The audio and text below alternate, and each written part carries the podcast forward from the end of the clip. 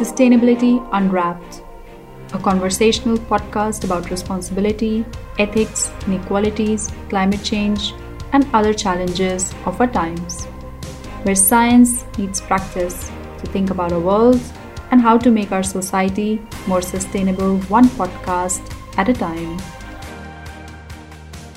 Hi, everybody, and thank you for Hanken Podcast. My name is Katri Nousiainen. I'm a doctorand at Hanken School of Economics at Department of Commercial Law and a visiting researcher at UC Berkeley Law School at the Center of Law and Technology.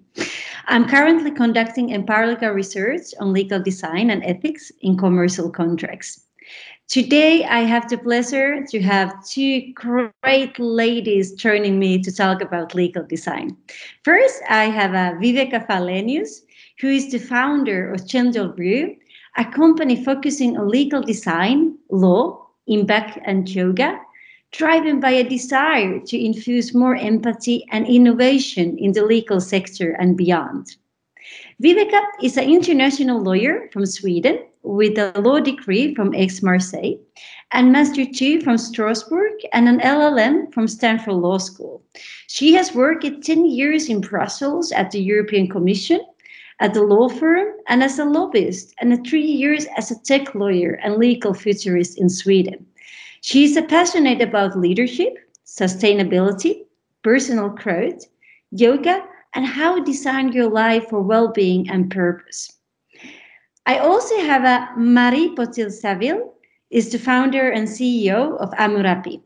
She was previously the vice president legal EMEA at Estee Lauder companies in Europe after three years and as a legal manager Europe at Chanel. As a private practice lawyer, she has worked about 12 years at Freshfields, Allen and Overy, at Creel and Garcia Cuellar, Isa in Enriquez in London, Brussels, Paris, and Mexico City. So we have a really international setting in here, professional and international. Thank you already beforehand for sharing your views with us on legal design. In my work in process in the academic, academic framework, I have defined legal design in action as follows. I have defined it as a tool and ongoing process that brings to and assess the efficiency and ethics of products, services, and processes, and that it assesses the total value of impact of design by using economic analysis of law-based approach, design thinking approach, and empirical findings. It also brings numerical and demonstrable data of the impact of design and thereby improves evaluation transparency, equality, efficiency, and the support of processes, decision, and policy making. An interdisciplinary approach of other fields of science, whether it be service design, law and technology, behavior economics, psychology, neuroscience, and economics, just to name a few, are used to support this human and user centered, visual, ethic, and empowering approach to law. Legal design can be applied to services, products, and processes. It sounds like a really sharp definition in the in the academic framework, and undoubtedly, in the definition, there were quite a many advantages of legal design that were mentioned. What about Viveka? What advantages do you see in using design thinking methods? Uh, yeah, hi. First of all, thank you so much for inviting me. I'm really honored to be part of the podcast.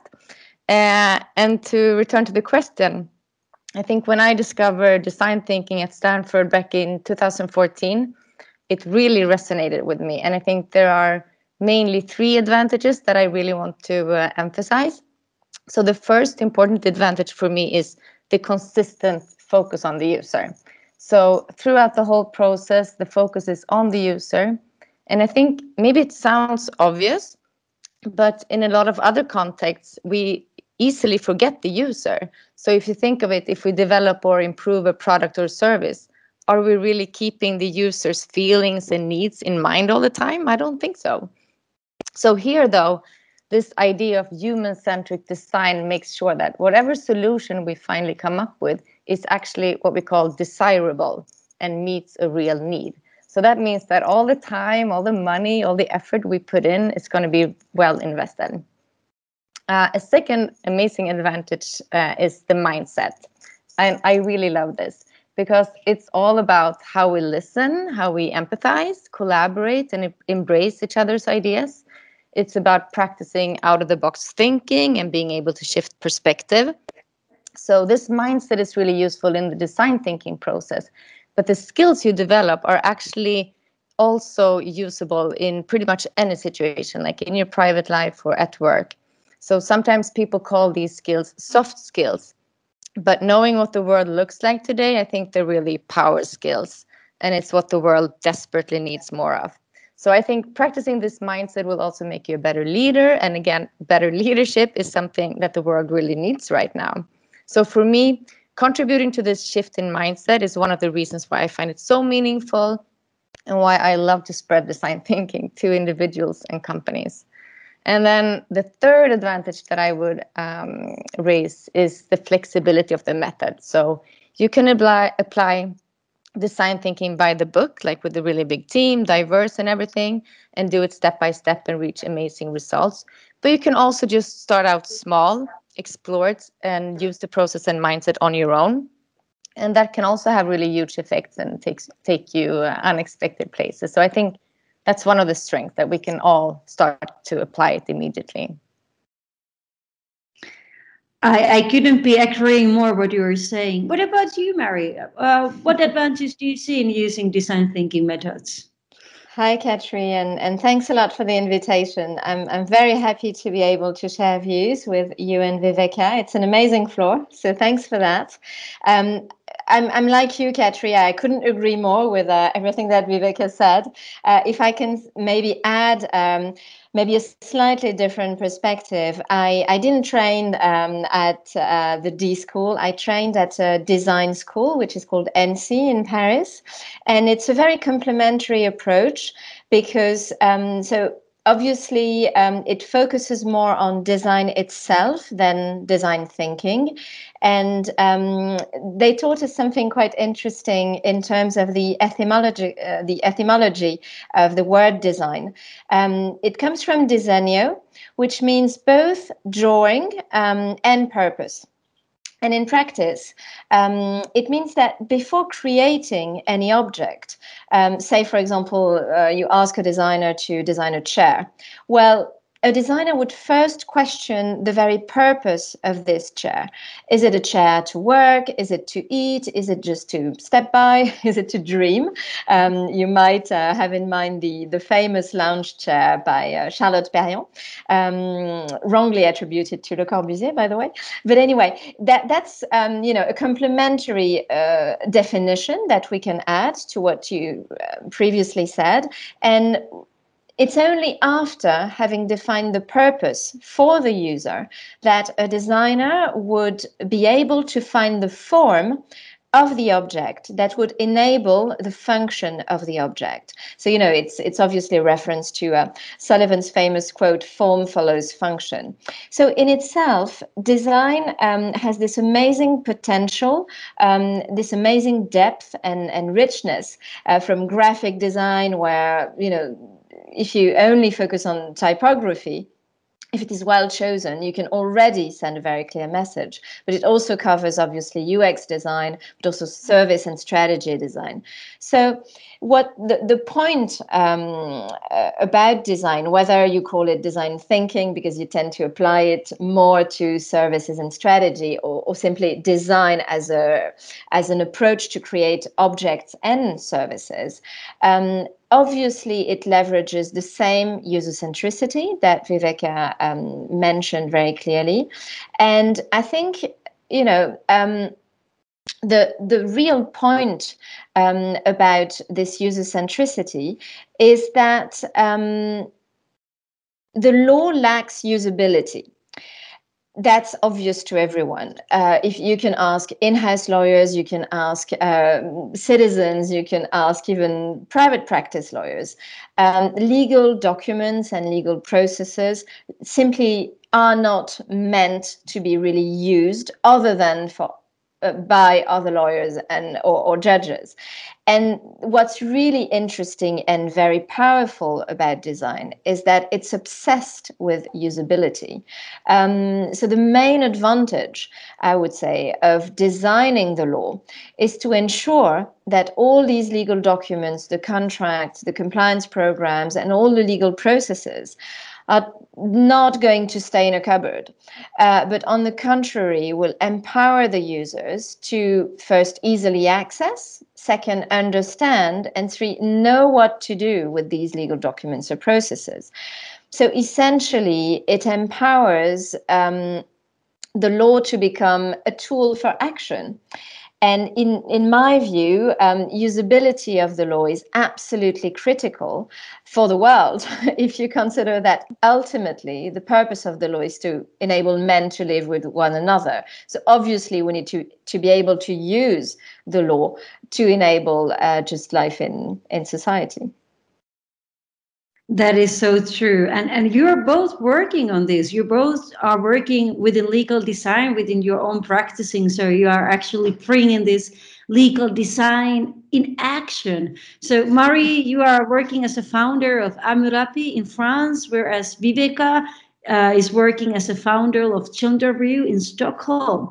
But what about Mary? What impact do you see that legal design has on commercial practice when you do it on your everyday work? What do you think? Well, I have to confess that um, I'm slightly obsessed with KPIs. So um, I've been measuring our impact since day one, since, since I, I founded Amurabi in 2018. Um, so I think, you know, uh, to talk about uh, about any impact, and and you, I know that you, this is your daily work, Katri. Um, it has to go beyond talking. it's about oh, evidence yes. and it's measurement and, and methodology of measurement. So let me just give you a concrete example. Um, in a contractual process redesign um, for Renault, um, we enabled the in-house lawyers at Renault to save two and a half hours per person per week. Uh, what's really interesting about this project, and it goes back to um, what Viveka was saying as well um, about you know the big projects, but also the small steps that each and every one of us can do. What's interesting about this project is that the process was quite short, limited amount of time, and with a limited budget. So. Um, I guess what I'm trying to say is that this methodology is so powerful you know focusing truly focusing on the users with empathy is so powerful that you don't have to launch a huge project you know with a large budget and, and a very very uh, large team. Um, in in that particular case um, the contractual process concerned a sales team which was relatively junior. And this this sales team had to negotiate um, on their own with more seasoned buyers at the other end. Um, and, you know, we found out during the workshops with the users that they ended up calling the legal division from their car a couple of minutes before the meeting, uh, asking, oh my God, what do I have to say to sound legal? And you know, we found about uh, these pain points in only a two-hour, well, in, in two various two hours working sessions with lawyers and users. I mean, it's a fairly limited amount of investment, right? It's only two-hour sessions. Um, so from there, the solution was relatively obvious. We had to provide the sales team with a full overview of the process at a glance so that um, you know they could check it easily in their car because that's uh, what the user journey uh, taught us. It obviously had to be phrased uh, and drafted in business terms which were familiar to them so they could easily identify to the situation and very quickly find the relevant um, situation compared to their own uh, obviously, they had to easily access the document on their mobile phone. Um, and then all they had to do was to click on their particular stage of negotiation and they they could not just access the right agreement template, but also the arguments they could use um, in their negotiation, uh, the key negotiation arguments, the fact that you know they wanted to push their own template and uh, and not uh, have to work uh, with the the other party's uh, template, and also they, they we provided some clear fallback options and no goes.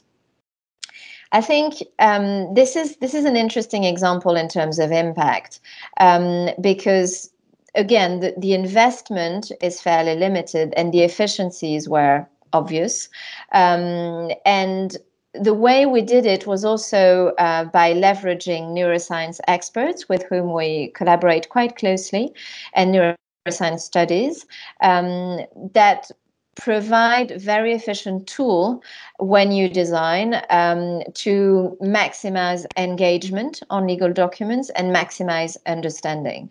So, for example, if you think um, compliance programs, you know, anti-corruption, anti-money laundering, uh, data protection, you name it, it's usually you know users are quite reluctant to engage with these documents. Well, if thanks to neuroscience, you can actually uh, double the engagement and measure it accurately, then it's absolutely key in terms of risk management, which is essentially a, a lawyer's job.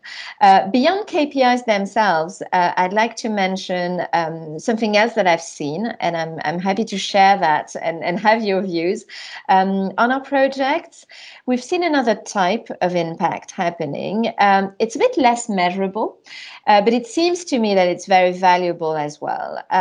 Legal design tends to change the way clients look at lawyers. So basically, as a lawyer, you're no longer the fun stopping police, you know, the one that says no all the time and that no one wants to, to listen to. Uh, the legal division can actually be revealed as a driver for innovation, um, which is absolutely key in this um, in these troubled times, let's say. Um, and uh, in turn, this change of perception significantly increased lawyers' own satisfaction at work, and therefore they're themselves even more engaged uh, in their work. That sounds really lovely because I think one of the reasons uh, lawyers can get a bit stressed, for example, or unhappy is this distant we distance we create with the, our language that nobody understands. So just by speaking the same language, we connect more easily to people around us. Uh, That's really fascinating. Yeah, and I think uh, I think we're seeing a paradigm shift, uh, just like Marie explains and Catherine. And I think in a way it's uh, it's ironic and it's sad and it's to be honest unacceptable that today you know when we enter a contract whether it's like downloading an app or getting an insurance or renting a bike we're actually doing it without fully understand the terms or even without reading the terms. So imagine that all of a sudden there's a company that actually wants you to understand the terms and the small prints and makes an effort to present it to you in a comprehensible way. I would just be like wow you know i already love that company so i think customers will trust not only the product and the service, but the company as a whole. Because I think just being transparent sends a message that you have nothing to hide and that the terms are fair. So this leads to customers becoming more loyal. And I think there are studies showing this, but also it's also common sense. So do you want to do business with somebody who's not telling you everything, who's not showing all their cards? Just the thought of that makes me want to run away. So again, I think it's a paradigm shift where some companies have already realized this, and it's making me feel really optimistic. And this will become the new normal. And I think it's a movement where you don't want to be late for the party. Uh, and apart from that, I think when we know our rights and obligations, we're also more likely to behave in accordance with them. So that goes without saying. But I think if we use legal design in commercial contracts, there will be a lot fewer disputes concerning the implementation of the contract. So that means fewer calls to the support team, a lot fewer angry, frustrated customers. I think we're all familiar with that feeling of being a frustrated customer. Um, so using legal design, I think you just have happier, more loyal customers and a way few, you know, disappointed customers calling support. So I can't wait for this to happen. But that sounds perfect because it seems that what Mari is saying and what are you, Vivek, is saying that actually when we are applying this approach, we can see that there will be diminished uh, transaction cost, uh, diminished uh, administrative cost, and also we can work on the risk management because I think it was really nice case what uh, what Mario was bringing on the table about Renault. Like if you're able to reduce hours, even two or two hours uh, per worker per week, yeah, that that means week. that there's a lot of savings. So it sounds like an incredible approach to law.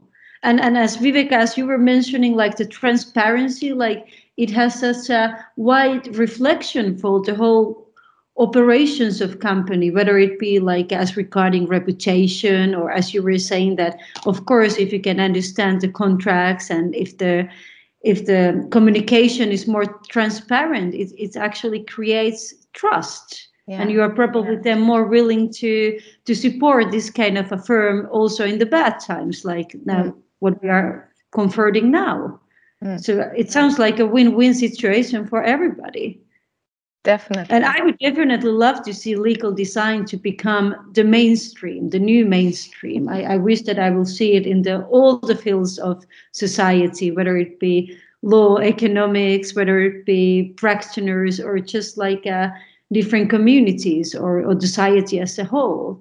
And, and, and I think that we definitely need to have more empowering approach to law. What about how about you, Mario? You have any possible calls maybe for action for the future? Yes, sure. But what, what you just said um, uh, made me um, uh, think about Dan Jackson at the Legal Design Summit last year. I, I, don't know if you attended; it was in Helsinki, but uh, you, you you might have, have seen it on the network. So Dan reminded us um, that a couple of years ago when legal design started so um, as viveka said it was uh, 2014 at, at, stanford. And, and viveka you were so lucky to be there when it happened. You'll have to tell all about it. But anyway so dan was was reminding um, us that um, at the time when legal design emerged um, you know when people used to talk about it most people would look at them as if they had three heads. I mean, it was completely weird and crazy and even ridiculous. And only a couple of years later, so that was 2019, um, the Legal Design Summit, um, well, most major law firm had sent their senior associates uh, to attend the Brain Factory before the summit for at least, what was it, four or five days? So, you know, definitely things um, are changing at a fairly rapid pace. Um, so, what seemed completely um, weird and crazy is almost becoming the new normal indeed and and you know on as far as i'm concerned i'm already seeing a clear trend towards a deep transformation of legal documents and processes, but also mindset. As um, as Viveka pointed out, mindset is absolutely critical. And I was so happy um, to see judges embracing legal design, for example. Um, we've been working since a couple of months uh, with the French National School for Judges, the ENM, uh, to apply legal design in judges' continuous education training. Um, so, you know, this is a major shift in terms of mindset. It's not just, you know, some funny stuff for funny people. uh, this is quite institutional. You know, the ENM is, is fairly innovative, but also, you know, they hold the fort. so um, I, I, I see a, a, clear a clear shift, um, a structural shift uh, in that respect. We, have also designed written submissions uh, for litigation cases, especially class actions. Um, and as we speak, actually, this afternoon after this podcast, um, I'm going to the French Data Protection Authority, the CNIL, mm-hmm. um, to to uh, facilitate a workshop with minors, um, various age groups, because um, the CNIL wants to help designers creating interfaces which are more respectful of minors' rights. It's a very ambitious project, uh, very difficult to implement as well. Um, you know, what does a child understand, for example, and and how can you explain uh, him or her, uh, his or her rights and trigger action uh, when you know legal social capacity. impact project. Sorry? It's a really high social impact project, so it has a high social impact. That's, that's really important. Yes, yes, exactly. So it will be delivered by the 15th of December and everything will be shared on Creative Commons. So it's really for the greater good. Um, but as we speak, um, we're also redesigning a life insurance contract for a major global bank, um, which keeps amazing me, honestly. I, I feel so lucky to have this client because they're deeply transforming all all of their customer facing contracts throughout Asia. Uh, so they have a you know a whole um, panel of legal designers because obviously they need more than one agency to do that. it's extremely ambitious, uh, but they simply want to entirely get rid of legal jargon and apply plain language and accessible design to gain a competitive advantage. And you know they start with Asia because this is where their headquarters are, but then it's going to be Europe and the rest of the world, obviously so in a couple of years intelligible accessible and engaging legal documents will indeed be the new normal.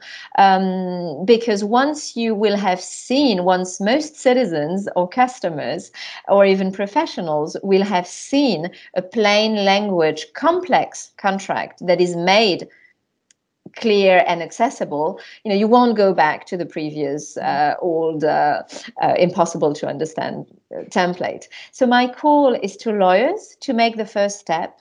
Um, start saying "what if" maybe instead of "but." and and my call is also to designers to make the complexity of the law accessible as a new playing field. And ultimately, I truly deeply believe that um, the clarity and accessibility of the law is a constitutional principle. that's not a belief, that's a fact. But it's also a matter of the type of democracy we want to live in. Do we want a democracy which gets dissolved in a way into the blind signing habits, especially when it comes to online privacy policies where citizens no longer believe in the law because they've so often ticked the, the, the box, I agree, but without reading, uh, without even thinking, actually? Or do we want to foster a system um, in which we bet on people's intelligence and empower all citizen, uh, all citizens to understand and act upon their rights? So this is really the, the time to transform the law. Wow, I love it. I love it. So inspiring. it's true. It has to do with people's trust in law, and you know, it's a part of the democracy. And it's it's uh, weird that we have lost touch of that completely. So I also think it's really time to just reinvent legal documents. You know, to look at them with new eyes. And I think when we as lawyers write terms and conditions, for example, it's only with this legal perspective in mind, making sure we comply with the law and we're you know limiting uh, the liability of the company we work for or our clients. So that's how we're trained. And i've also been one of those lawyers. And i wouldn't say i've ever been very concerned or when i was working in a law firm uh, concerned with the, you know whether or not the user the reader sorry would uh, understand the text. So quite the opposite. It was never the role of a lawyer. So we're only taking care of the legal stuff. And uh, i think you know what if we consider those legal documents part of the user experience instead because in reality they are. So many companies want to have like a cool user friendly app or a fancy website but they totally forget about the legal documents. So that's the call for action. Like if you are a company that has nothing to hide then let us know you know be transparent. Let us know that what are you doing with our data? How are you operating? Put your values into action and empower and respect the user because the GDPR even tells us, you know, that the privacy policy needs to be understandable. It's illegal if not, you know. So I think it's particularly important today when there's so much information about us collected and stored in the cloud. And as a woman, I track my period, my health on my smartphone. I even have my therapist online. So that's really sensitive stuff. And I want to know, you know, what happens with my data are you sharing it with somebody are you selling it to somebody or you know is this call recorded so these are really relevant concerns And I think here's a call for action to empathize with and respect the users. Um, and then another call for action that I have is for us all to just stop and reflect a bit more. So I think when we're constantly keeping ourselves busy, we don't have time to, you know, take a step back and just see the broader picture. So in this case, you know, what's the point of a contract in the first place? And Marie touched upon this question, and I think it's you know for two parties to agree on something so they know how to behave but how can you agree on something when you don't when you can't even read the text so i think this is just an example of how we lost touch touch with uh, what matters how we stop mm-hmm. respecting each other and so it's a call for action to yeah reflect a bit more care a little bit more and hopefully that shift in how you think will also affect other parts of your life and maybe that will lead to a gentle revolution and then I want to finish off by saying that you know my dream is to see design thinking used more widely in, in our society. What if we can design a political system that actually gives our governments and our leaders the incentives to tackle all the global issues we see right now? I think that's something really urgent and super important. And we have the tools. We just, you know, need action the, the activist is talking.